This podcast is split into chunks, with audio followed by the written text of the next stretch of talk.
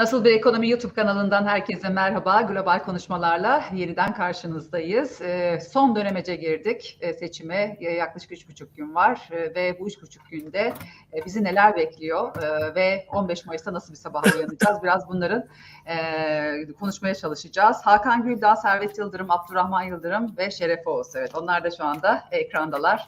Merhaba diyeyim herkese. Merhaba. İyi yayınlar. Merhabalar, iyi yayınlar. Çok teşekkür ediyorum. Şimdi nefesleri tuttuk, e, bekliyoruz. E, 15 Mayıs sabahı keşke hemen olsa diyoruz. Eminim herkes aynı durumda. Tabii ilk e, turda sonuç alınırsa e, en azından e, belli olacak her şey ama ikinci tura kalırsa yine nefeslerimizi tutmaya devam edeceğiz. Hakan Bey siz şimdi arabadasınız. E, Ankara'ya doğru yoldasınız. O yüzden sizinle başlayacağım. E, son değerlendirmemiz olacak. Biz e, bu seçim ekonomisine, seçime doğru giderken Eko Türkiye ekonomisini konuştuk e, haftalarca. E, genel anlamda aslında konuşmadığımız bir konu kalmadı. Yani sorunları masaya yatırdık, e, değil mi? Yani gerçekten e, yeni hükümeti çok e, zor bir e, süreç bekliyor. Kim gelirse gelsin. E, ama tabii üzerinden tekrar geçeceğiz. Bu bölümde hem son e, dönemeçte olduğumuz için biraz öngörülerinizi de aslında rica edeceğim. Zor bir şey ama e, yani nasıl bir 15 Mayıs sabahına uyanacağız? Ekonomik anlamda bizi ne bekleyecek? Şimdi çok çeşitli tahminler var, hep konuşuyoruz. İşte bunun dolar tarafı var. Borsa e, çok fena bir şekilde tepki veriyor şu anda. Kayıplar çok yüksek. E, eski haline gelecek mi? Ya da ekonomide biz yumuşak inişi sağlayabilecek miyiz? Ne zaman sağlayacağız? Herkes bunları merak ediyor. E, şimdi hızlıca e, ben size sözü vereyim çünkü az da bir zamanınız var. Sizi uğurlayacağız. E, Ankara'ya doğru yola yola çıkacaksınız. Dolayısıyla hemen e, sizden alalım yorumu. Bu arada bugün Ee, yolculuk nereye Hakan? Evet. Ee, OSBÜK'e, e, Organize Sanayi e, Bölgeleri Üst Kurulu'nda bir toplantımız var. Başkanla sohbet edeceğiz.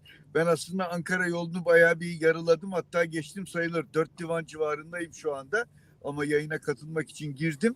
Ee, Sayın Vahap Munyer tabii e, o İsviçrelerde olduğu için bağlanamadı. Ee, buradan da böyle bir şeyde taş yuvarlamış olayım yani. Evet, o yüzünü, bat- güçler o yüzünü yani. batıya döndü. O yüzünü batıya döndü. Ben Ankara'ya doğuya doğru Evet, gidiyorum. Da İsviçre'de güzel bir değerli. ama evet, çok selam Ankara'daki herkese. Teşekkürler. Doğuya doğru giderken şu de, de- e, beklentim değişim e, yönünde. Hani onu öncelikle söyleyeyim. Ben şöyle düşünüyorum. Bu işler e, her zaman yarı yarıyadır, kabaca. Yani e, kararlarımızı kısmen ideolojik olarak veririz. Hayat tarzlarına bağlı olarak veririz. Bize e, benzeyen e, insanlara oy veririz. Bu zaten bilinen bir konu. Yine bu geçerli olacak bu seçimde.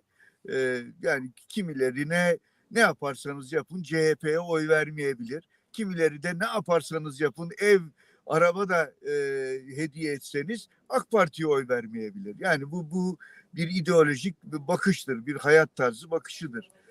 Ee, ama onun dışında tabii tamamen ayrı olmamakla beraber iç içe geçmiş pek çok unsuru olmakla beraber ekonomik bir bakıştır. Ben şimdi burada ekonominin önemli olacağını bu seçimlerde düşünüyorum. Geçtiğimiz haftalarda dediğiniz gibi üzerinde konuştuk. Ee, ben de özellikle bu şimdi e, TÜİK filan da açıklamaya başladı tekrar.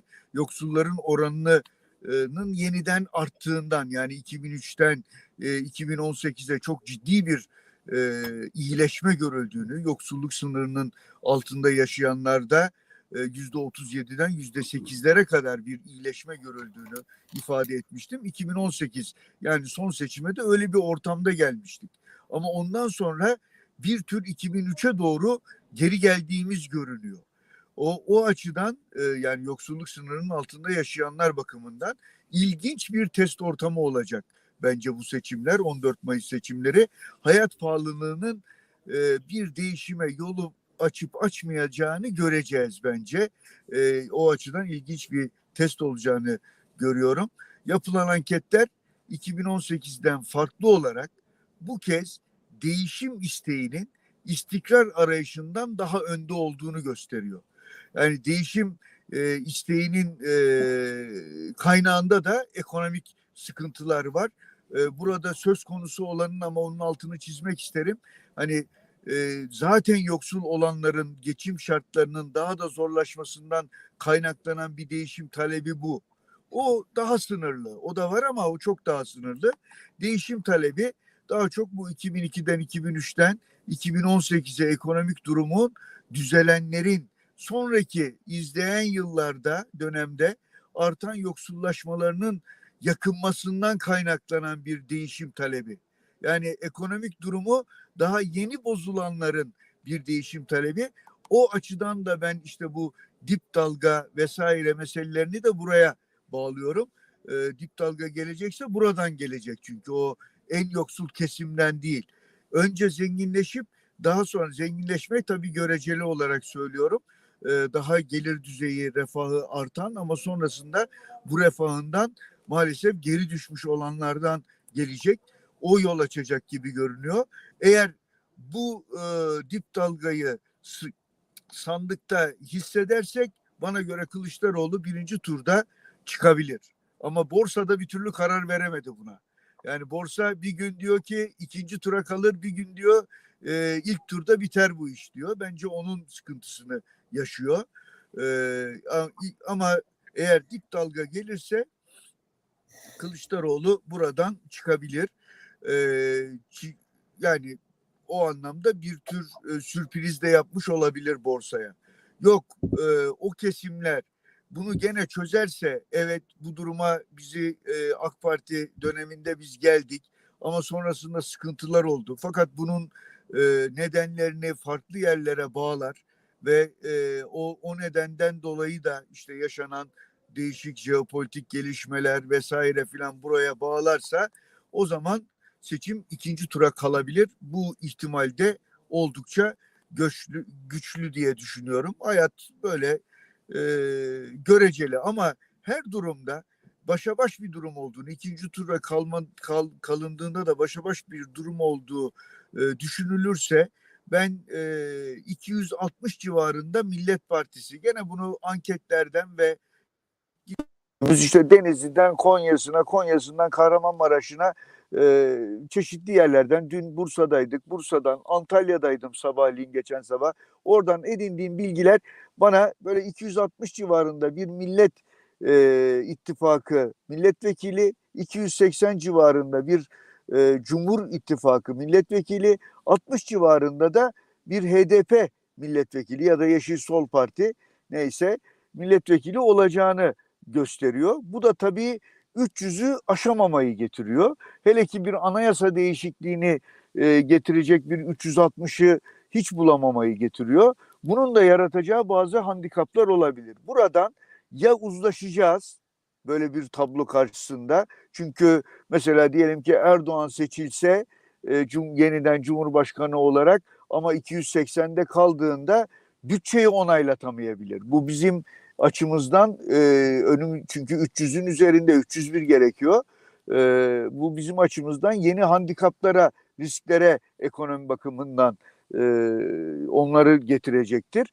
E, 300 ya da mesela diyelim ki böyle bir durumda Kılıçdaroğlu geldiğinde HDP ile ne gibi bir e, anlaşma yapacak? Onlar önemli olacaktır. Fakat bu durum bize uzlaşmayı da getirebilir ya da daha da sertleşmeyi, daha da uzlaşmamayı getirebilir. O zaman ben e, sermaye kontrollerinin e, daha da e, yüksek düzeyde gelebileceğini e, düşünürüm. Benim e, ümidim korkusunun bile yani seçimleri kaybediyorum tekrar alınsa bile e, seçimleri kaybedebileceğim 10 ay sonra da ikinci bir seçim var denildiğinde bunun biraz daha uzlaşma yönünde e, biraz e, diyelim ki çok sıkılan o finansal baskılanan piyasaların biraz açılma yönünde, dışa açılma yönünde, dışarıyla ilişkileri daha iyileştirme yönünde adımları da getirebileceği yönündedir.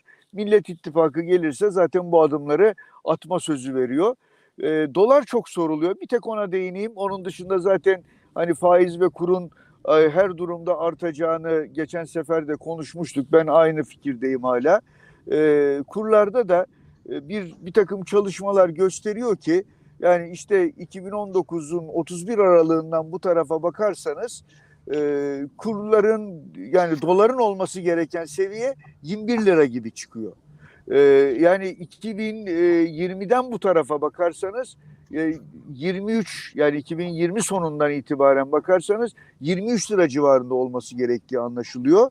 2022 sonunda e, 2021 sonundan 31 aralığından o yeni modele geçtiğimiz dönemden bu tarafa bakarsanız 27 lira olması e, gerektiği e, anlaşılıyor. Yani 25-26 lira civarında bir e, dolar kuru makul görünüyor. Öyle çok afaki 30 liranın üstü 35 lira ki 30 liranın üstünü ben Dünya Bankası'ndaki arkadaşlarımla da daha öncesinden sohbet ettiğimiz ama çalışmalarını devam ettiren arkadaşlarla e, ki konuşmalarımdan da 30 lira civarının e, çok makul görünmediğini, üstünün e, herhangi bir gerekçesinin olmadığını ifade ediyor onlar da yaptıkları hesaplar nedeniyle. Ama tabii ki o gün ne gibi koşullar içinde olacağız o çok önemli olacak. Çok sıkıntılı bir ortamda olursak, çok gergin bir ortamda Türkiye'nin e, cari açığının daha da artacağını gör, gördüğümüz ya da ortamlarda olursak bunlar farklılaşabilir ama böyle e, çok afaki dolar, e, euro rakamlarının da peşinden gitmemek gerektiğini söyleyip burada e, bırakmak istiyorum. Çok da teşekkür ediyorum. Motor gibi konuştum. Umarım dediklerim anlaşılmıştır. Çok net anlaşıldı. Hiç araya girmedik. Zaten e, tek tek madde madde biz de üzerinden e, geçeceğiz. E, çok teşekkür ediyoruz Hakan Bey. Siz çok daha fazla tutmayalım. Yolunuz uzun. E, yarı yarılamışsınız gerçi yolu ama e, daha uzun da bir toplantı olacak önünüzde. Teşekkür ediyoruz. Çok teşekkür ediyorum ben de. Görüşmek üzere. Kolaylıklar diliyorum. İyi yolculuklar. İyi yolculuklar Hakan. Çok Şimdi Hakan Bey'in söylediği bu e, değişim ve istikrar konusu. İstikrar normalde mevcutun devam etmesi. Hani güvenli bir ortamdaysa ve mevcut iyiyse çok güzel bir şey ama şimdi bir, bir değişim atmosferini hissediyoruz. Şimdi bu değişim de istikrar getirebilecek mi? Bu da önemli aslında biraz galiba. Servet Bey şimdi siz e, son birkaç toplantıda olmadığınız için bu yayınlarımızda dolayısıyla sizden başlayacağım. E, sizin de biraz beklentilerinizi önce dinlemek istiyorum. Çünkü bu e, seçime giderken e, ekonominin yönüyle ilgili biz işte e, faiz tarafını konuştuk, dolar tarafını konuştuk. E, bu konularda hani siz neler düşünüyorsunuz? Genel herkesin beklentileri, yorumları aynı ama sizin eklemek istedikleriniz neler olur? Yani ana hatlarıyla aşağı yukarı aynı. Yani burada üzerinde durulması gereken şey evet enflasyon diye aylardır, haftalardır konuştuğumuz bir sorun var ama bunun yanı sıra diğer makroekonomik göstergelerde de zor bir durumdayız. Yani sürdürmesi zor bir seviyeye geldi. İşte geçenlerde gene konuştuk. Dış ticaret açığı ayda 10 milyar dolar gibi bir artış var. Yüksek bir açık. E, umduğumuzdan daha yüksek. Oysa model öyle çalışmayacaktı. Modele göre dış ticaret açığının daralıyor olması gerekirdi. Tabii dış ticaret açığı böyle olunca e, cari işlemler açığına bakıyorsunuz ki hep cari işlemler açığına vurgu yapıyoruz. Çünkü cari işlemler açığı ekonominin yumuşak karnıdır diyoruz. Yani aşil topuğudur diyoruz. Dolayısıyla bu hassas nokta bizim için çok önemli.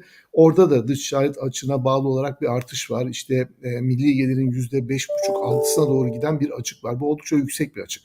Yani o açıdan baktığımız zaman orada bizi rahatsız eden bir durum var. Çünkü geçmişte hep bizim rahatsızlıklarımız cari işlemler e, dengesinden kaynaklandı. Daha doğrusu dengesizliğinden kaynaklandı. E, bütçe tarafına bakıyorsunuz. Bütçe açığı geçen yıl evet baskılanmıştı ama bu yıl ilk rakamlar gösterdi ki orada çok da öyle işler e, seçim ekonomisinin ve depremin de etkisiyle çok iyi gitmiyor. Orada beklenenin üzerinde bir açık var. Çok yüksek bir açıkla karşı karşıya kalabiliriz. Yani orada da milli geliri oranla 6-7 gibi %6-7 gibi bir açık var. Bu da oldukça yüksek. E, işsizlik tarafına bakıyorsunuz rakamlar açıklandı. Çift hanede duruyor. E, orada yine bir sorun var. Bunların hepsi bu arada seçim ekonomisi nedeniyle mesela enflasyonda dahil olmak üzere böyle dopingli rakamlar. Yani rakamların Mayıs ayına kadar düşük kalması için özel bir çaba sarf edilmiş rakamlar bunlar. Şimdi bu düzeyde bakınca bu düzeydeki rakamlar gösteriyor ki biz sürdürülebilir noktada değiliz. Yani bir şey var böyle e, e, aksiyon şeyi artık acil aksiyonun ötesine geçilmiş bir durum var. E, geçenlerde Mahfi Elmez'in bir tanımlaması vardı. Bir enkaz diye bir tan, e, tanımlaması vardı. O, e, orada sanırım diyordu. Yani tam anlamıyla 40 katır mı 40 satır mı ikilemiyle karşı karşıya kaldığımız bir durum.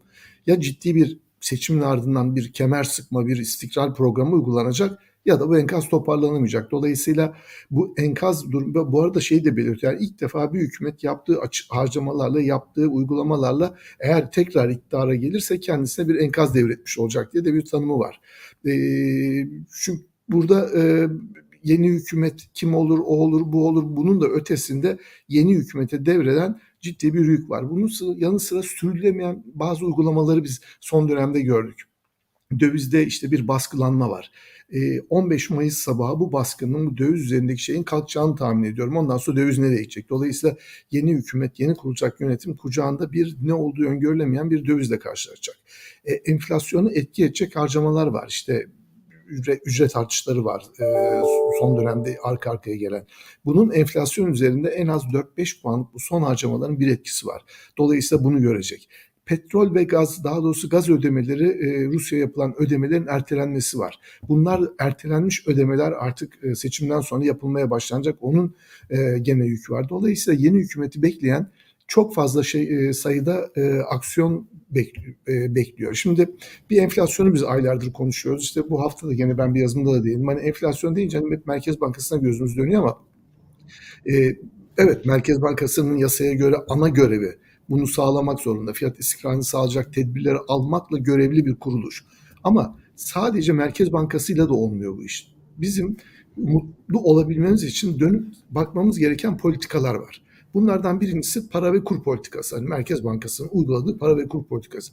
E, oraya bakıyorsunuz orada bir e, deyim yerindeyse bir istikrar, bir anti enflasyonist bir duruş görmüyorsunuz. Yani sıkı duruşu göremiyorsunuz. Çünkü bu düzeyde bir enflasyon e, sıkı duruş gerektiriyor. Artı çok yüksek bir reel negatif faiz var. Bu reel negatif faizin bu kadar yüksek olduğu dönemde kimsenin tasarruf etmesini beklemesiniz ve Türk lirasına tasarruf etmesini beklemesiniz. Çünkü Türk lirası araçlar reel olarak yatırımcılarına son birkaç yılda ciddi şekilde kaybettirdi. Ha bir de bunun yol açtığı, desteklediği, artırdığı bir dolarizasyon var. Dolayısıyla para politikasını o anlamda çalıştığını görmüyoruz. E sadece para politikası dedik ne dedik? Maliye politikası.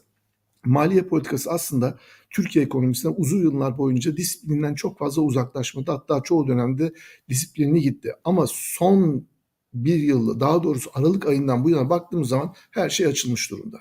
Yani tamamen gevşek bir maliye politikası var. Enflasyonla mücadeleye bir katkısı olacak maliye politikası değil. Dolayısıyla o da şu anda çalışmıyor. E son olarak da gene enflasyonun gelirler ücretler politikası diyoruz. Gelirler ücretler politikası çok önemli.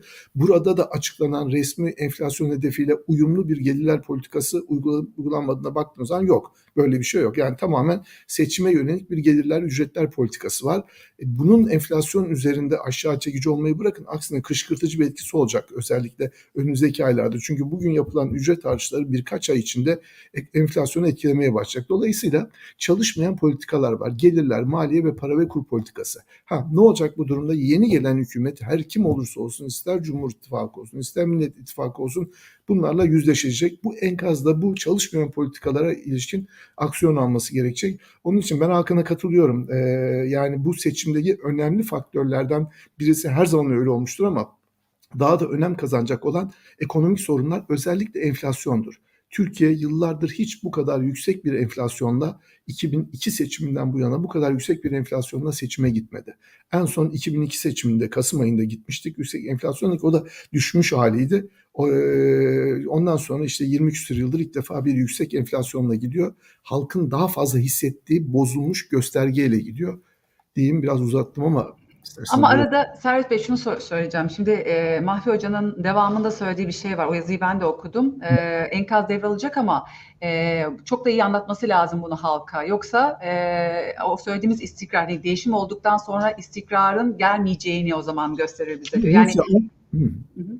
Pardon kestim. Anlatır. Buyurun. Yani çok iyi anlatır. Mahfavi'nin yazısında işte evet. şeyi okudum ve e, önceki e, şeyleri durumlara göre bu bizim toparlanmamız biraz daha uzun zaman alabilir diyor. Evet. Ve ben orada ondan daha iyimserim. Bu gene kısa zaman alabilir. Yani ben hep dönüp dolaşıp aynı şeye geliyorum ama 2001 krizi ciddi bir krizdi. 2001 krizinden çıkış bu kadar e, dinamik ve süratli olduysa o zaman olur. O zaman neydi? İşte e, doğru politika, doğru program, doğru aksiyon, doğru kurum, doğru kişilerle yani liyakatlı kişilerle ekonomiyi doğru bir programla götürüp o ama kurumları tekrar canlandırmak gerekiyor. Dolayısıyla böyle bir yapıda ben e, Mahfi abiye göre daha iyimserim. Daha kısa sürede ekonomik toparlanıp biz tekrar bir, bir sonraki dönemi yaşayabiliriz rahatça. Bir de siz de altını çizdiniz. Şimdi o hani e, yeni hükümeti bekleyen en önemli sorunlar da tabii ki enflasyon. Yani gördüğümüz zaten o hayat pahalılığı çok ciddi olarak karşımıza çıkıyor ama bir de döviz ihtiyacı. Şimdi e, dolayısıyla enflasyon biraz daha zamana bağlı olarak çözülecek bir şey gibi görünüyor. Yani doğru politikalarla ama döviz ihtiyacı hemen ertesi günü bizim e, karşılaşacağımız bir şey. Galiba ilk önce buna mı e, politika üretmek zorunda yeni hükümet? Tabii. İlk önce kesinlikle buna fakat orada işte iş beklentileri e, geliyor. Yani yüzde 5, 6, 7 cari açığınız olabilir milli geri oranla ama ülkeye öyle bir sermaye girişi olur ki Türkiye bunu yaşadı. 2001 krizinden sonraki programın etkisiyle. Yüzde 6-7 e, cari açık e, milli gelir oranı vardı. E, Türk lirası değerlenmeye başlamıştı. Dışarıdan kısa vadeli sermaye girmeye başlamış. Dolayısıyla şimdi de seçimden sonra ortaya çıkacak tablo ve program ve yapı yabancı sermayeyi tekrar Türkiye'ye yöneltebilir. Çünkü Türk varlıkları şu anda çok ucuz. Yani buraya para yatırıp para kazanabilir. Yeter ki artık e, bir beklenti olumluya dönsün. Türk lirasında daha fazla ciddi bir değer kaybı beklentisi ortadan kaybolsun. Enflasyona yönelik olarak bir programın ortaya çıkacağı, yapısal ayağı olan programın ortaya çıkacağı görsün. Böyle program ortaya konduğu zaman dünyada sermaye bolluğu var hala. Para gidecek yer arıyor. Ve Türk varlıkları geçmişte olduğu gibi şimdi de onlara cazibe unsur olabilir ama biz kısa vadeli sermaye girişimizi sadece rahatlatacaktır. Asıl yapısal şeylerle bizim kısa vadeli sermayeye olan o bağımlılığı atarak kendi kendimize ayakta kalmamız gerekiyor. Yıllardır bunu tartışıyoruz. Yani o cari dengeyi yapısal olarak cari açık üreten bir ekonomi olmaktan çıkmamız lazım. Ee, ama döviz dediğim gibi yani şu anda sermaye piyasalarından çok ve para piyasalarından çok uygun koşullarla borçlanamıyoruz. Maliyetler oldukça yüksek. Onun yerine işte devletten devlete borçlanmaları görüyor. Çok alışık olmadığımız bir durum. Tekrar oradan normale dönmesi lazım. Türkiye'nin borçlanabilir hale gelmesi, silmesi lazım. Bu da tamamen beklentilerle, beklentilerin de altında da tabii somut adımlar, program ve e, kurumlar ve e, kişiler e, oluşturulmalı. Ondan sonra olur diye düşünüyorum. Ee, onu da soracağım ama e, isterseniz bir sonrakine bırakalım. Çünkü o hani kurumlar e, dediğiniz doğru. Zaten e, şu anda işte Cumhur İttifakı devam ederse o bile hani değişikliğin sinyali ve bakanlar tamamıyla değişecek zaten. E, diğer tarafta işte Mehmet Şimşek'in adı geçiyor. Başka insanlar yeni yüzler belki girecek. Eğer diğer tarafta da geçen gün bir toplu bir fotoğraf vardı ekonomi kurmayları tüm partiden. Hani bunlar gerçekten güven veriyor mu? E, önemli e, hiç şüphesiz. Onları da ayrıca değerlendirelim ama Şeref Bey'e geçecek hemen. Şeref Bey şimdi sizin de öngörülerinizi alayım 15 sabahına ilişkin ilişkin, 15 Mayıs sabahına ilişkin. E, bir de şimdi öyle bir noktada ki, e, bilmiyorum ben de öyle hissediyorum, tasarruf sahiplerinin e, gerçekten cezalandırıldığı, e, bunu duydum ve çok hoşuma gitmişti bu analiz. E, borçlananların ödüllendirildiği bir sistem haline geldi. Şu anda yaşadığımız sistem. E, ister istemez tabii ki bu e, yani yeni yönetimin e, ciddi adımlar atmasını gerektirecek bir durum ama bir yandan da daha önce de konuştuk. Hiç de öyle bir atmosfer yok yani. Şu anda seçim ekonomisi adı altında sürekli bol keseden atılıyor. İşte en son asgari ücret 500 dolar civarında değil mi? Olacak evet 500. Birliğinde. Yani şimdi iş adamları da iş dünyası da kara kara düşünüyor ister istemez. Yani evet. herkes çok kazansın keşke. Bu da şeye yansısın ama bir de ekonominin gerçek değerleri var. E, o hesapları oynatıyor. Şimdi nasıl olacak o zaman diye e, ya o hani söylediğimiz evet zorlu bir süreç var ama bir taraftan da yumuşak iniş gerçekleştirmemiz lazım. Onu nasıl yapacağız? E, kısmında birazcık ben tereddüte düşüyorum. Ne diyorsunuz? 15 Temmuz sabahı, şey pardon 15 Mayıs sabahı uyandığımız zaman sandıklar açılmış ama onaylanmamış olacağı bir geçiş süreci de başlamış olacak. Ben şuna inanmıyorum. 15 Mayıs sabahı işin rengi belli olsa da bunun bu değişimin hayata geçirilmesi konusunda bir gri alan bizi bekliyor. Nedir? Mevcut kadroların yüzde on beşinin değişeceği başkanlık sisteminin özünde bu var aşağı yukarı da bu 3500 ile 4000 tane çok kritik koltuğun değişeceği. İkincisi seçime itiraz edileceğini düşünüyorum. Şimdi değişimi e, değişimi herkes kabullendi. Yani istikrar yerine değişim hakikaten sandığa gitmenin e, ana sahiki oldu ama e, bir kişi hariç. O da e, Erdoğan ne demek? istikrar bendedir e, değişim olacaksa buna da ben karar veririm noktasında ve kaybettiği her sandıkta açıkçası bir İstanbul havası yaratmak, İstanbul havası çalmak, seçime itiraz etmek, sandık bazında hatta itiraz etmek ve olabildiğince bu benim çıkmadığım bir sandığın meşruluğunu tartışacağı bir döneme giriyoruz. Ha aradaki fark e, son e, analizlerde belki yarın daha iyi bir rakamlara erişeceğiz çünkü e, Bekir Ağırdır bu konuda öyle demişti. Perşembe günü ancak rakamları açıklayacağız. Müşterilerimize duyduğumuz saygıdan dolayı ama e, geçen pazar günü uzun bir analizlerden şu ortaya çıktı. Büyük ihtimalle ikinci tur ve büyük ihtimalle Kılıçdaroğlu yüzde 80-85 şu andaki durum bu. Fakat Hakan'la deprem bölgesindeydik Vahap Hakan'la. Yani orada da ise inanılmaz bir şekilde hala birinci parti bütün o depremde o kadar ölenlere rağmen birinci parti olarak AK Parti gönder gösteriliyor ve seçim ekonomisi orada e, şey vaati genel vaatler yerine bireysel adam adama markaja dönmüş çadırlarda para dağıtmak vesaire de buna dahil. Kaldı ki bu seçim ekonomisi öyle bir hale geldi ki ekonomi gazetesi olarak geçen hafta biz bunu yayınlamıştık. Bir trilyon liralık ilave bir yük getiriyor bütçeye. Söylenen şu biz bir trilyon lirayla ek bütçe ne ek bütçesi? Ek bütçenin zaten içerisinde öngörülen 650 milyar liralık e, bütçe açığı daha beş ayda neredeyse oraya varılmış durumda. Belki yeni bir Türkiye bütçesi e, kadar bir bütçe açığı bizi bekliyor. Ama e, 15 Temmuz sabahından sonra en azından piyasada bir gerilimlerin azalacağı. E, az önce de konuşmalarla geçti. Enflasyon konusunda en ufak bir adım dahi atılamayacağını söyleyebiliriz. Niye? Sandık arkası sandık geliyor. Nedir o? 10 ay sonra yenileri geliyor. Ve iki e, seçim arası e, enflasyonla mücadele edilmez.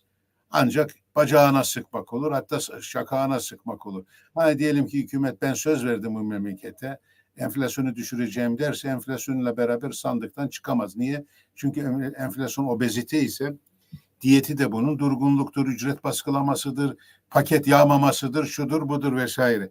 Fakat 15 Temmuz'dan itibaren belki bu enflasyonu biz 2024'ün Mart'ından Nisan'dan sonra konuşabileceğiz. Fakat bu geçiş 15 Mayıs Şerif değil mi? 15 Mayıs pardon özür dilerim. 15 Mayıs'tan sonra Valla o kadar yılın her tarafına öyle bir dokundu ki 12 Eylül, 28 Şubat, 12 Mart bunların hepsi darbe ve krizlerle 5 Nisan değil mi? 24 Ocak.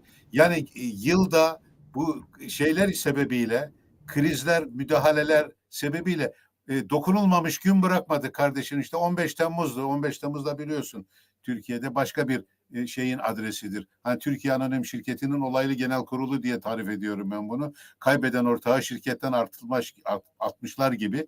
Yani anlatmak istediğim az önce dilimin sürçmesinin altında bu krizlerin üstümüze yağmur gibi yağıyor olması. Şimdi bir tanesi daha var.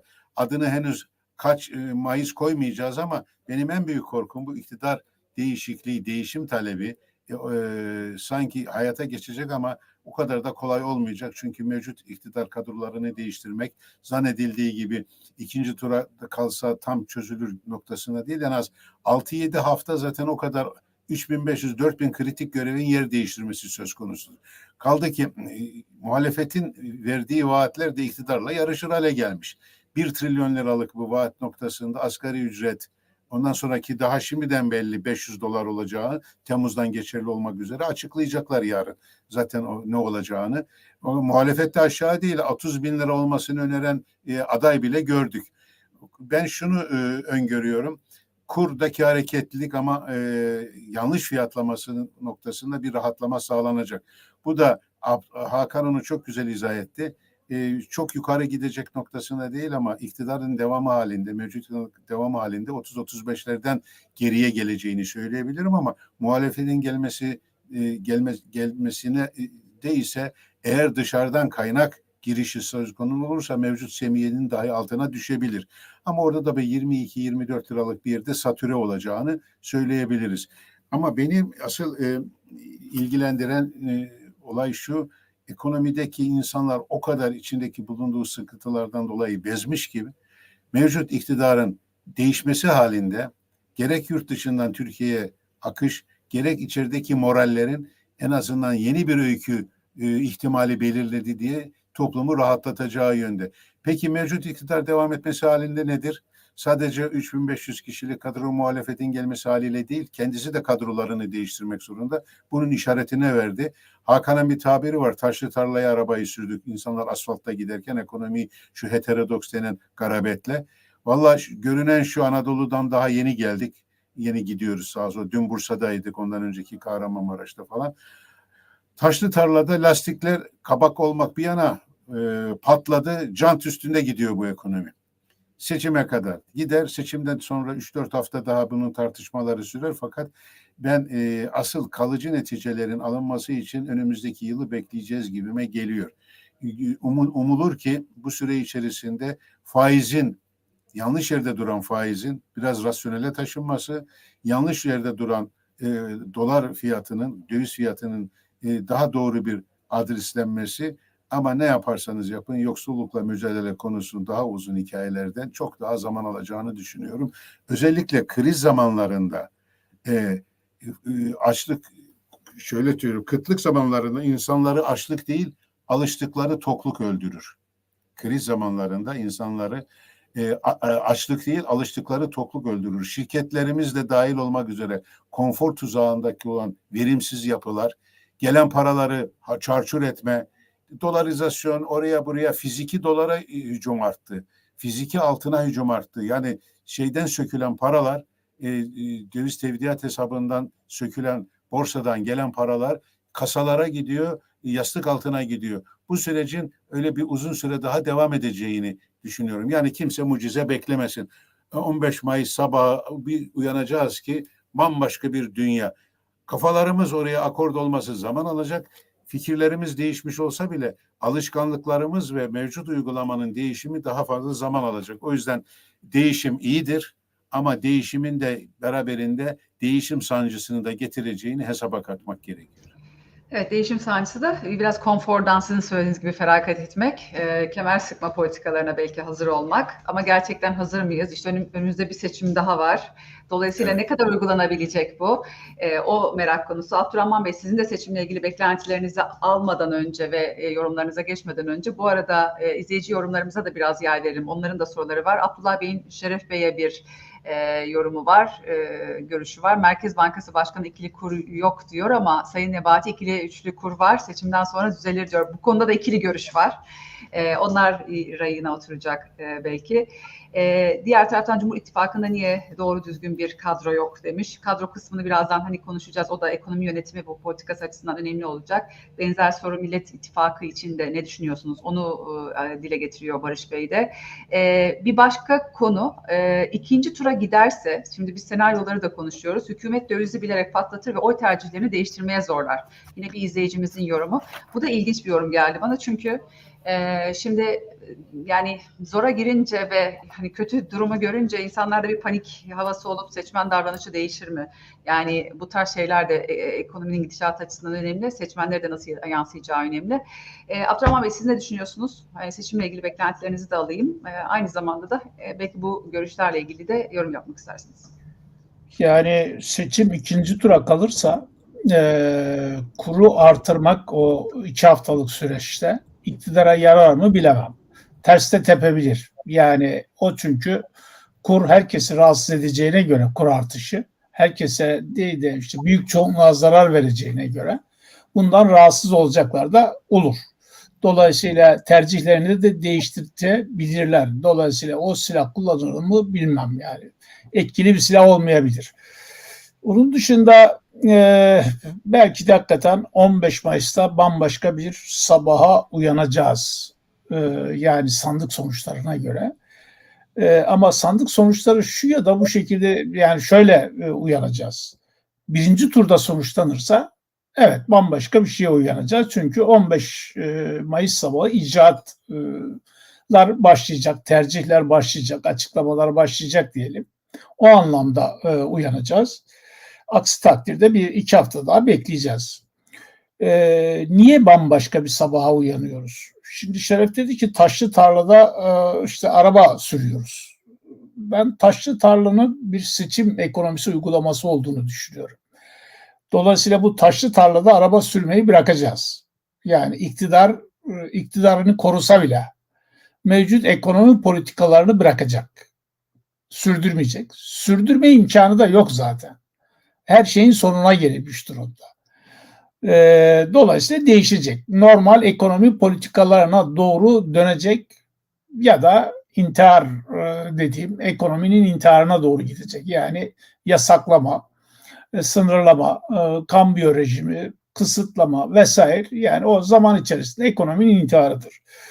Dolayısıyla o yola başvurulacağını sanmıyorum. Ee, yani normale doğru, e, normalleşme yönüne doğru gelecek.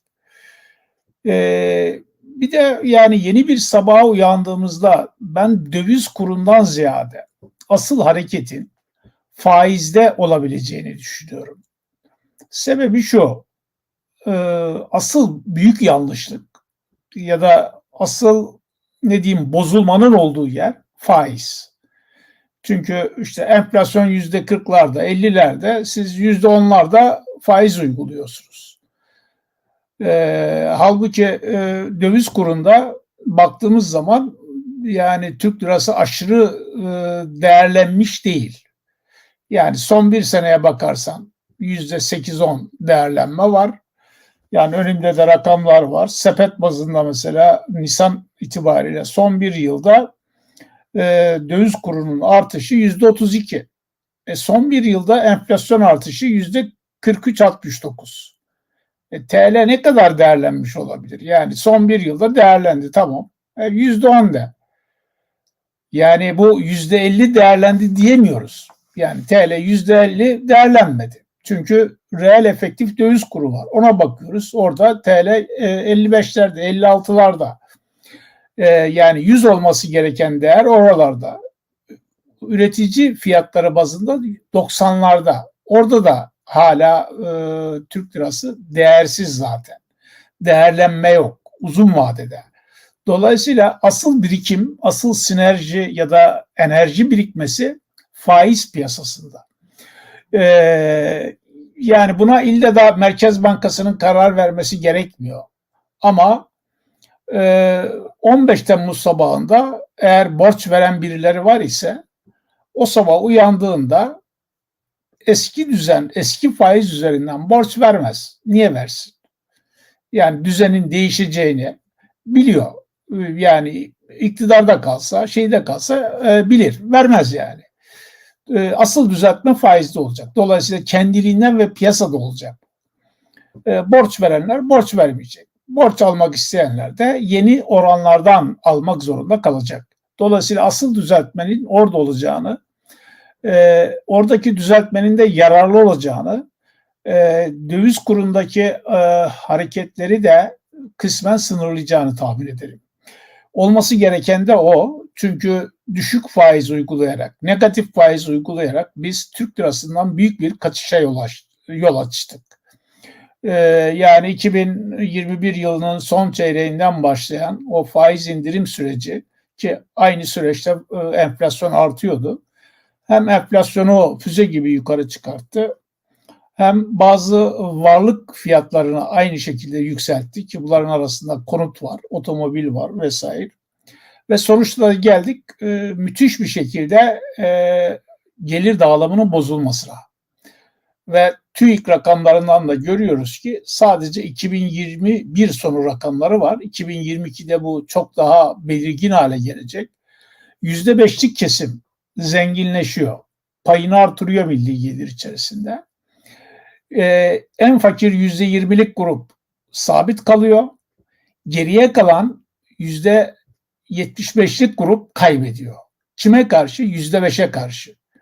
Yani en zengin yüzde yirminin bile varlığını koruyamadığını görüyoruz. Sadece yüzde beş koruyor ve artırıyor. Geriye kalan yüzde yetmiş beş varlığını kaybediyor. Reel olarak kayıplı. Dolayısıyla e, yani bu e, kaybın bir siyasi sonucu da olacak. Mevcut siyasi e, işte şeyde e, bu kampanya döneminde kutuplaşmanın bu kadar artmasını ki ben ilk defa şahit oluyorum. E, yani 50'li yılları görmedim Adnan Menderes dönemini. E, ama ben ilk defa şahit oluyorum. İlk defa bu kadar sert geçiyor e, mücadele ve kampanya. E, sebebi de bence bu. Yani e, tartışmayı ekonomi üzerinden alıp başka yerlere e, götürme e, şeyi olarak ben görüyorum bu kampanyanın sertleşmesini. Götürülebildiği ölçüde de herhalde e, başarılı olacak ve sonuç alınacak. E, ama e, ekonomide atılacak adımları da meclis aritmetiği de siyasi değişim de bence önemli rol oynayacak. Sadece ekonomi değişmeyecek. Bence siyaset de değişecek. Çünkü gördük ki son 5 yılda başkanlık sistemi yani çok da öyle pozitif sonuçlar doğurmadı. Yani yüzde elli oy almanız gerekiyor seçilebilmek için. Ondan sonra ittifaklar kurmanız lazım. Koalisyonu seçilmeden önce kurmanız lazım. Buna göre de ödün vermeniz lazım. E, yani küçük partilere mahkum oluyorsunuz. Ve yüzde elli alıyorsunuz. Ondan sonra da o mahkumiyetiniz e, icraat dönemi boyunca devam ediyor. E, bunun yerine eğer mesela AK Parti birinci parti çıkarsa e, niye sürdürsün yüzde elli barajını? En fazla oy alan ülkeyi yönetir. Başbakan olarak yönetir. O zaman başbakanlık sistemine döneriz. Parlamenter sisteme döneriz. Dolayısıyla e, siyasette de yeni açılımlar olacak. E, belki hakikaten mecliste e, Hakan'ın bahsetmiş olduğu gibi böyle bir kilitlenme gibi bir durum ortaya çıkabilir e, yani parçalı bir yapı ortaya çıkabilir, bir çoğunluk ortaya çıkmayabilir. Ama o durumda da saf değiştiren partileri görebiliriz. Yani kilit parti e, konumuna birden fazla aday çıkabilir. E, tek bir adaya bırakmayabilirler. Yani çok parçalı bir e, meclis yapısına doğru gittiğimize göre e, dolayısıyla siyasi e, yani meclisin yapısı da önemli olacak. Siyasetteki değişimler de ekonomi için önemli olacak. Ama bu yüzde elli blok oy alma ve tek başına iktidar dönemi böyle sürmeyecek. Belki tek başına iktidar yine çıkabilir ama bu artık tek başına iktidar olmadığı da anlaşıldı. Yani siz e, koalisyonu iktidara gelmeden önce kuruyorsunuz. E, dolayısıyla koalisyon e, vatandaş da diyebilir ki seçmende madem ki bu iş koalisyon siz bir koalisyon yapıyorsunuz ben de size başka bir koalisyon gösteriyorum. Buyurun bu koalisyonu da deneyin diyebilir. Dolayısıyla meclisi başka bir gruba belki Cumhurbaşkanlığını başka bir e, ittifaka verebilir. E, vermeyebilir. E, yani tercihi e, göreceğiz.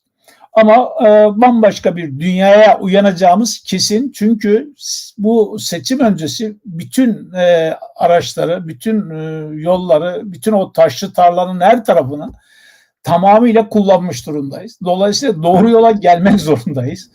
Ve şirketler de yeniden yapılanacak. Yani şirketler bizde 2017'den itibaren bu e, kur korumalı e, kur e, pardon KGF KGF uygulamasıyla e, bir şeye girdi. E, ne diyelim teşvikli ve beslemeli bir döneme girdi. Biz şirketleri besliyoruz e, ekonomi olarak. E, ucuz krediyle, e, geniş ve bol krediyle, işte kur uygulamalarıyla vesaire besliyoruz. E, bu e, yani be, beslenen şirketlerde bir türlü e, ne diyeyim e, rekabet etmekte beceri kazanamıyor ve giderek geri gidiyor. Dolayısıyla e, şirketler kesiminde de elenmeler olacak. Yani gerçekle yüz yüze gelmeye başlayacağız. Faizler normal düzeyine doğru hareket edecek, etmek zorunda. E, ama bu sırada da enflasyonla mücadeleyi bence herhangi bir hükümet yapmayacak. Enflasyonu çıkartmak kolay, düşürmek çok zor o bedeli kimse ödemek istemeyecektir. Hem mevcut iktidar da ne kadar söz vermiş olursa olsun biz başardık ve başaracağız dese de desin bence enflasyonu düşürmeye gerçek bir e, niyeti olmayacak. Başvurmayacak. Haneler o zaman hayal göstermelik olabilir. Muhalefet de bunu yapmayacak. E, yapanın ne olduğunu gördük çünkü. Yapan sandıkta kalıyor. E, dolayısıyla e, enflasyon yükselecek. Çünkü seçim öncesi biz paraları dağıttık herkese. Ve bundan sonra insanlar daha fazla harcayacak. Şirketler fiyatlarını artıracak. Enflasyon da yükselecek. Enflasyona paralel kur artabilir ama o kur artışı da faizle dengelenecek. Dolayısıyla e, çok şey birbirine karışmış durumda ama yeni dönemde de bu, bu karışıklık ayrışmaya doğru dönecek. Ne zamanki bir ödemeler dengesi krizine gireriz o zaman biz IMF'nin kapısını çalarız. ödemeler dengesine girmedikten sonra da IMF'den yardım istemeyiz. İstemememiz de lazım. Yani yardım da değil, IMF ile bir program yapma ihtiyacı diyelim e, doğmaz. Dolayısıyla e, IMF'ye sonuna kadar hem muhalefet hem e, bugünkü iktidar e, çağırmaz. E, IMF ile bir program yapmaz. Ama ne zaman ki ödemeler dengesi krizine gireriz, bu ihtimal yani şu anda çok yakın değil. Ama önümüzdeki sürecin ne olacağını tam bilemeyiz. Hem küresel konjonktür olarak hem işte siyaset o, o, siyasi olarak. Dolayısıyla önümüzdeki yıllarda böyle bir ihtimal ortaya çıktığında bence o zaman IMF ile oturup bir program yaparız. O program çerçevesinde enflasyonu da düşürebiliriz. O zaman enflasyonu düşürme sırası gelebilir. Kemer sıkma e, politikaları yeniden gündeme e, girebilir. O zaman iktidarda kim varsa o parti yıpranacak. O grup yıpranacak.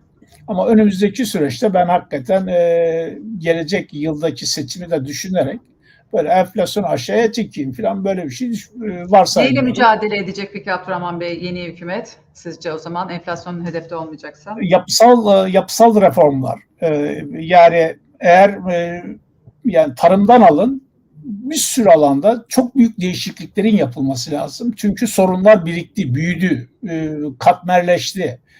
Yani tarımda hemen hemen hiçbir yapısal önlem alınmadı. Yani en iyi yapısal önlem fındık bahçelerinin sökülmesi ve ayçiçeğine dönüştürülmesiydi.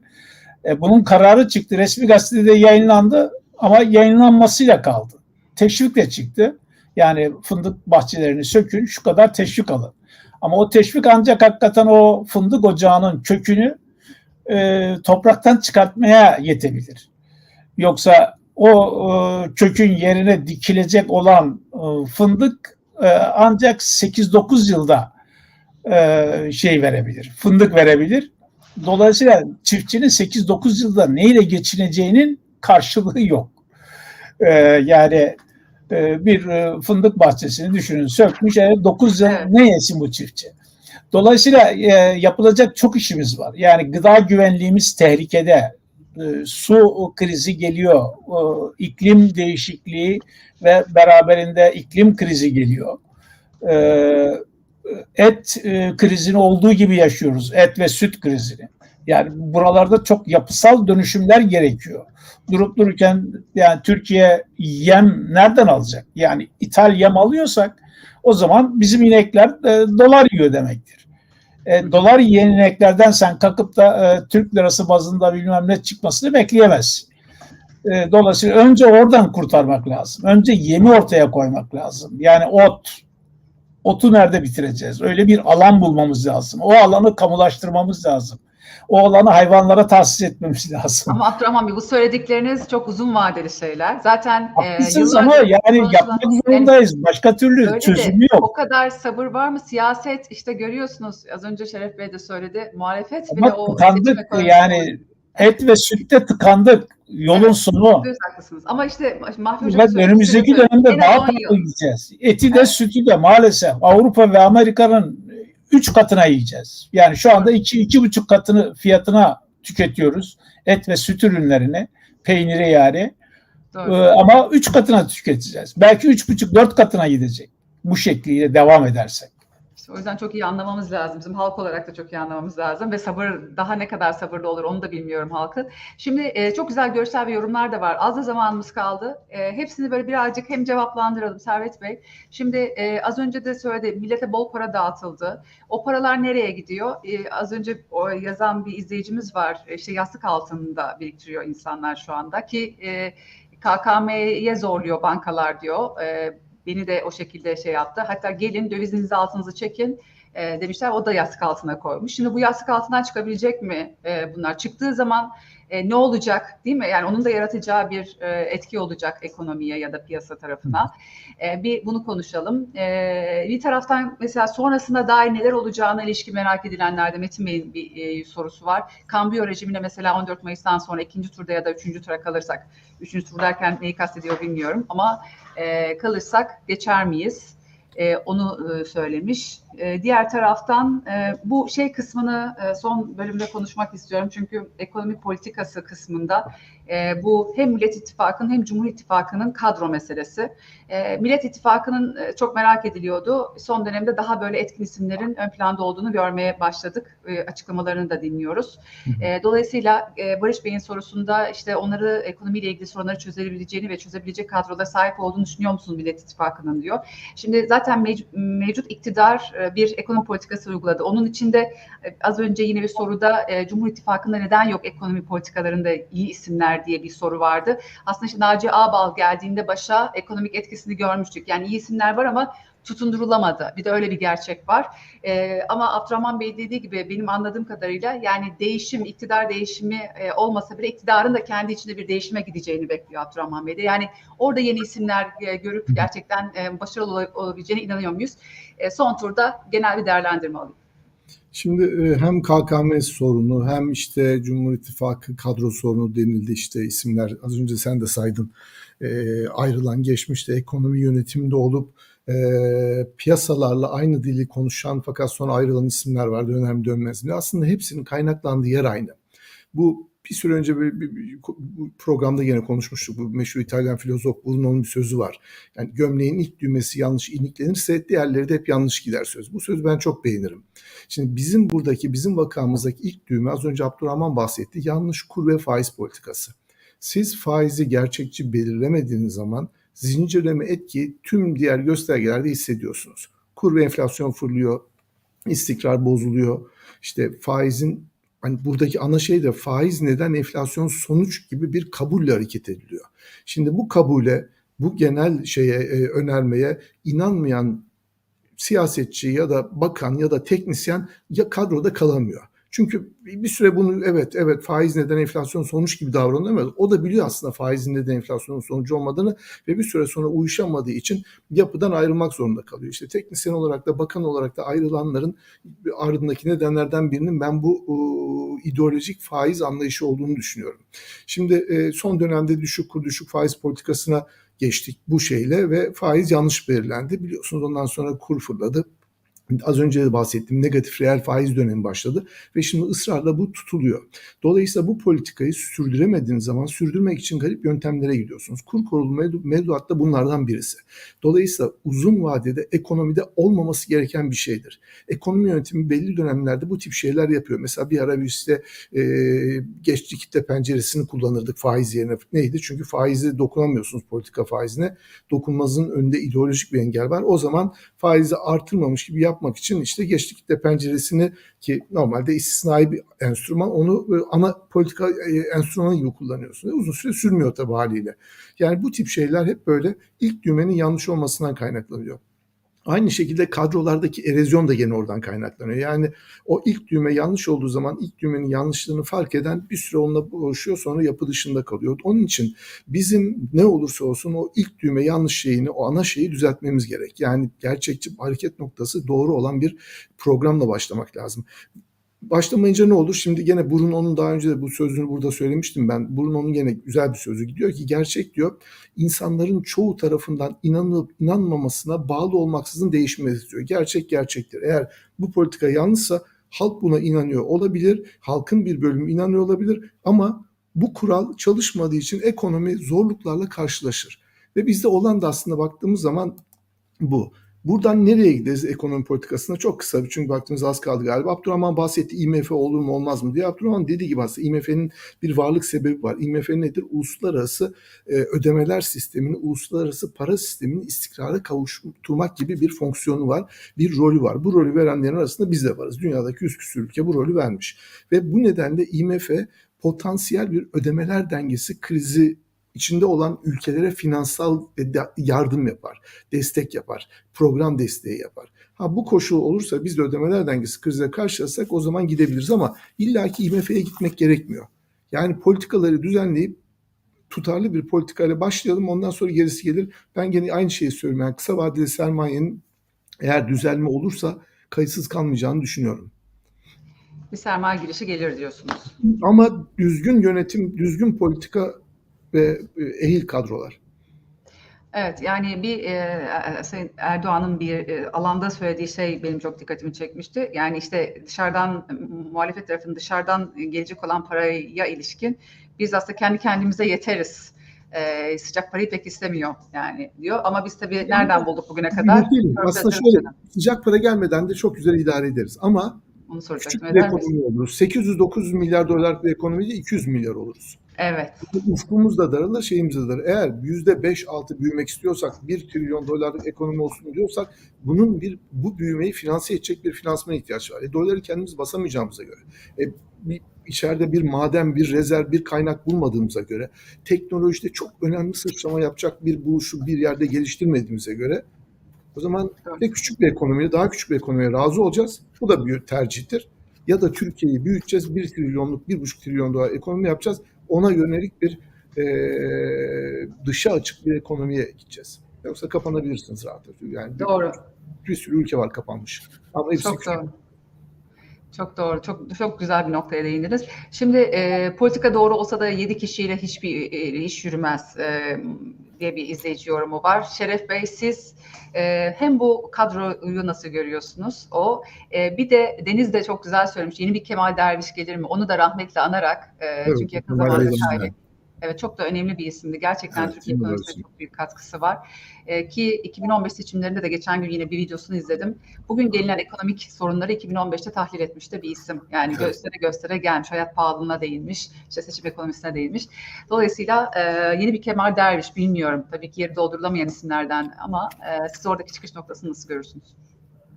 E, Şimdi zor zamanlar açıkçası kahramanların fidanlığıdır. Dikkat et. Kahramanlar zor zamanlarda şekillenir. İşler yolunda giderken kahramana da ihtiyaç yoktur. Aslında her ulusun kahramana ihtiyaç duymayacağı dönemlerde yaşamasını isterdik. Mesela Mustafa Kemal Atatürk zor zamanların bir insanıydı. Kolay zamanında olsaydı ihtiyaç da yoktu. Yani felaketler açıkçası hayatın kahraman barındıran rahimleri gibidir. E, 2001 yılında e, Kemal Derviş hakikaten bir kahramandı, ekonomik kahramandı. E, rahmetle anıyoruz. Onu işte biz e, Abdurrahman Yıldırım'la televizyonda anlatırken bazı şeyler de işte mandacıydı, şuydu, buydu. Kardeşim senin elinden tuttu, çıkardı. Ne yaptı? Açıkçası kazandığından daha fazlasını harcamaya başlayan bir ahlak sorunumuz vardı. 2000'li yıllarda bir balo havasında geçiyordu. Ürettiğinden daha fazlasını tüketiyordun. Ne yapıyordu? Başka bir şey daha vardı. Ahlak da çözülmüştü. Devlet malı deniz yemeyen domuzdu. Ve artık bitirmişti. Biz domuzluktan vazgeçtiğim için düzelmedik. Kardeşim deniz bitti. Kemal Derviş geldi. Ne yaptı? 15 tane yasanın ben alt alta inceledim. Her birinin altında bugün bile e, yükselen hastalıkların teşhisi var. Mesela ne yapmış? Telekom yasası, uluslararası tahkim yasası, şeker yasası, tütün yasası, tuz yasası, doğalgaz piyasa yasası, Merkez Bankası yasası, bankacılıkla ilgili yasa, sivil havacılık yasası, kamulaştırma yasası, bütçe değişikliği meseleli mesela ne yaptı? Sahibi olduğun bankayı soymaman lazım diyor. Artı e, devletin kaynaklarını da e- etkin kullanman gerekiyor. Artı bunlarla e, ahlaksızlık yapma diyor. Üretimle tüketim arasındaki bağı koparma, popülizm yapma. Ve bunu sürdürülebilir kıldığın zaman ekonomide açıkçası hem dış kaynak bulursun hem aynı zamanda ekonomini düze çıkarırsın. IMF e, konusunda da e, Kemal Derviş'in varlığı yani güvenilirlik noktasında uluslararası piyasada bize akan paralar var. O dönemde ekonomiyi ayağa kaldırdı. Şimdi ondan sonra arkasından teneke çalmak hem ahlaksızlık hem de açıkçası vefasızlık. Şimdiki durumda ise ben şunu yazdım geçenlerde. Acaba bu yeni dönemin e, Kemal Derviş'i kim olacak? Bunun bu aslında neyi ifade ediyor? Böyle bir ihtiyacımız da ortada olduğunu. Çünkü ben özetledim, e, özetlediğim zaman Kemal Derviş'i isimden bağımsız, partiden bağımsız nedir? Açıkçası buraya kadar geldik bundan sonra gitmez. Şimdiye kadar iyi geldik so far so good ama bundan sonrası yok. Çıkmaz sokağa girdi. Bu hükümet de kazansa yenisi de gelse değişmeyecek bazı parametreler var. Onlar nedir? İşte kur yanlış yerde, faiz yanlış yerde vesaire. Bunlar düzelebilir. Faiz artık nas değil, bir dini faktör değil, ekonomik bir birim vesaire diyebilirsiniz. Değiştiremeyecekleri kısa sürede enflasyondur vesaire ama bir şeyi değiştirebilirsin. Nedir? Kafanı ve ahlakı tercih edebilirsin. Yani Türkiye sadece enflasyonla beraber fiyatlar düzeyini yukarı çıkarmadı. ahlakı bozdu bir de gelir dağılımını mahvetti. Bunun geriye çıkışı da belli. Daha önce yaptığımız gibi. Ne gerekiyor bize? Ben üç tane e, formülle özetliyorum onu açıkçası. Bunlardan bir tanesi gerçekçi tedbir. Gerçekçi tedbir ne demek? E, matematikle, ekonomi bilimiyle, piyasa gerçekleriyle örtecek tedbir alman lazım. Ben faizi indirmem. Bugün işte Nebati'nin bir lafı vardı. Faiz daha da inecek çünkü Cumhurbaşkanımız öyle istiyor. Şimdi böyle bu, bu gerçekçi tedbir değil. Bu NAS'a bağlarsın, ona bağlarsın, buna bağlarsın. E, birileri bunu sanki e, gerçekmiş gibi şey eder ama gerçekçi tedbir yetmiyor.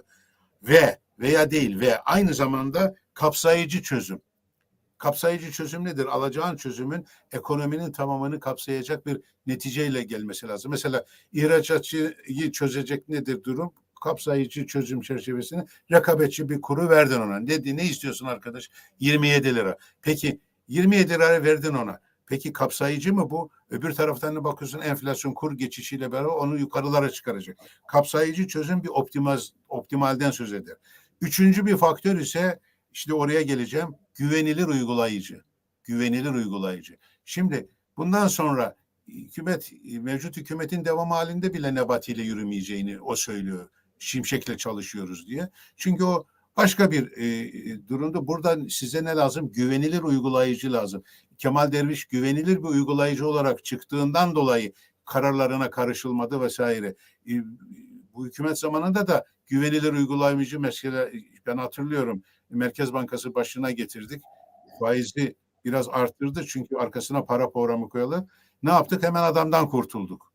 Yani onun yerine başka birilerini getirdik. Şimdi bu üçünü bir araya getirme noktasında e, dış kaynak ihtiyacımız had safhadadır.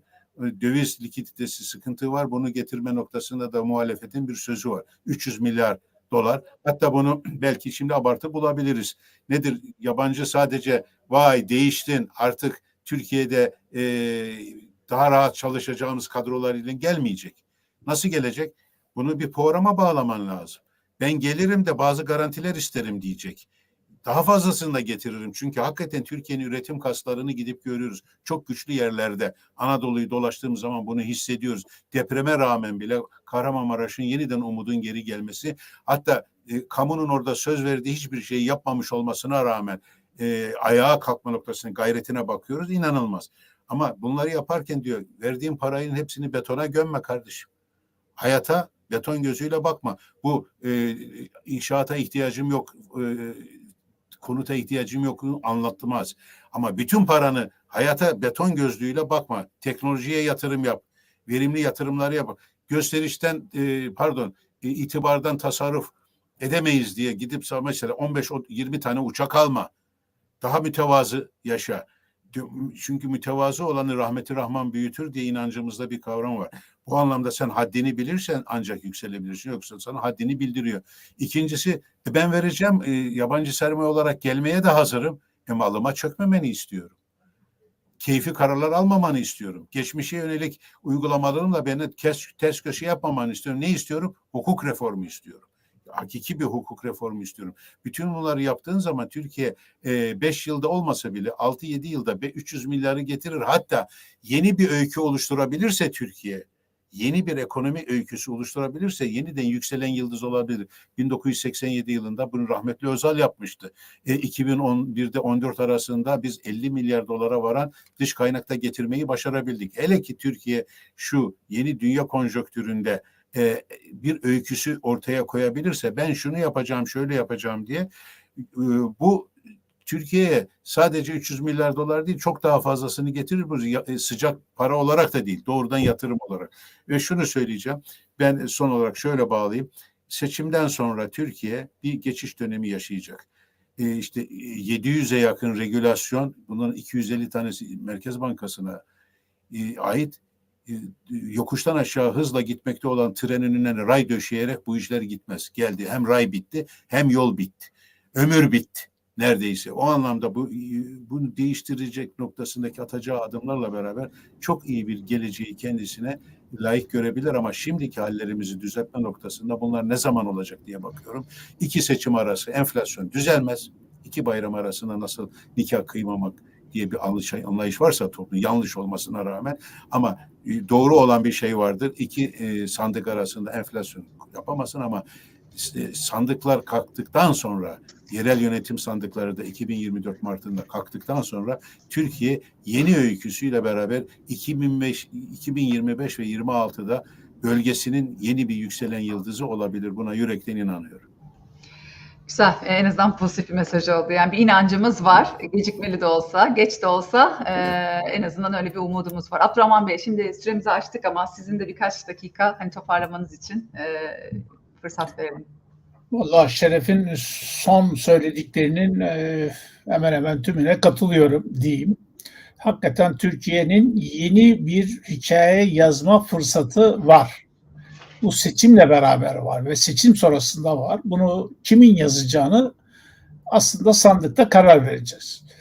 Ama yazabilen çıkar ise o kahraman olacak. Yeni dönemin kahramanı olacak ve Türkiye'yi hakikaten geleceğe taşıyacak yazamazlar ve beceremezlerse bu sefer becerebilen iktidara gelecek önümüzdeki dönemde. Bunu söyleyeyim.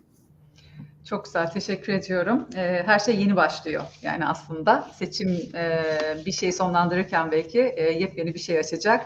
E, iyi günlere diyelim. Vatan millet Sakarya modundan çıkıp yani seçim Evet. atmosferi açısından sonra gerçekten sadece oy kullanmak için gidip ertesi günde rahat bir şekilde uyandığımız bir gün olsun.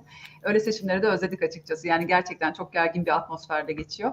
E, mutlaka oy kullanalım. Ee, Evet, gerçekten evet. katılım da çok iyi. Bu çağrıyı da biz de buradan yapalım. Ee, mutlaka sandık başına gidelim. Ee, fikrimiz ne olursa olsun onları söyleyelim. Ee, ve seçimden sonra görüşelim. Bir de e, seçim sonrası değerlendirmeleri alacağız hep birlikte. Çok teşekkür ediyorum bugün için. İzleyicilerimize de ayrıca teşekkür ediyorum. Çok güzel yorum ve görüşlerle, sorularla katkı sağladılar programımıza. Teşekkür ediyoruz. Görüşmek üzere diyoruz. Hoşçakalın. Hoşçakalın.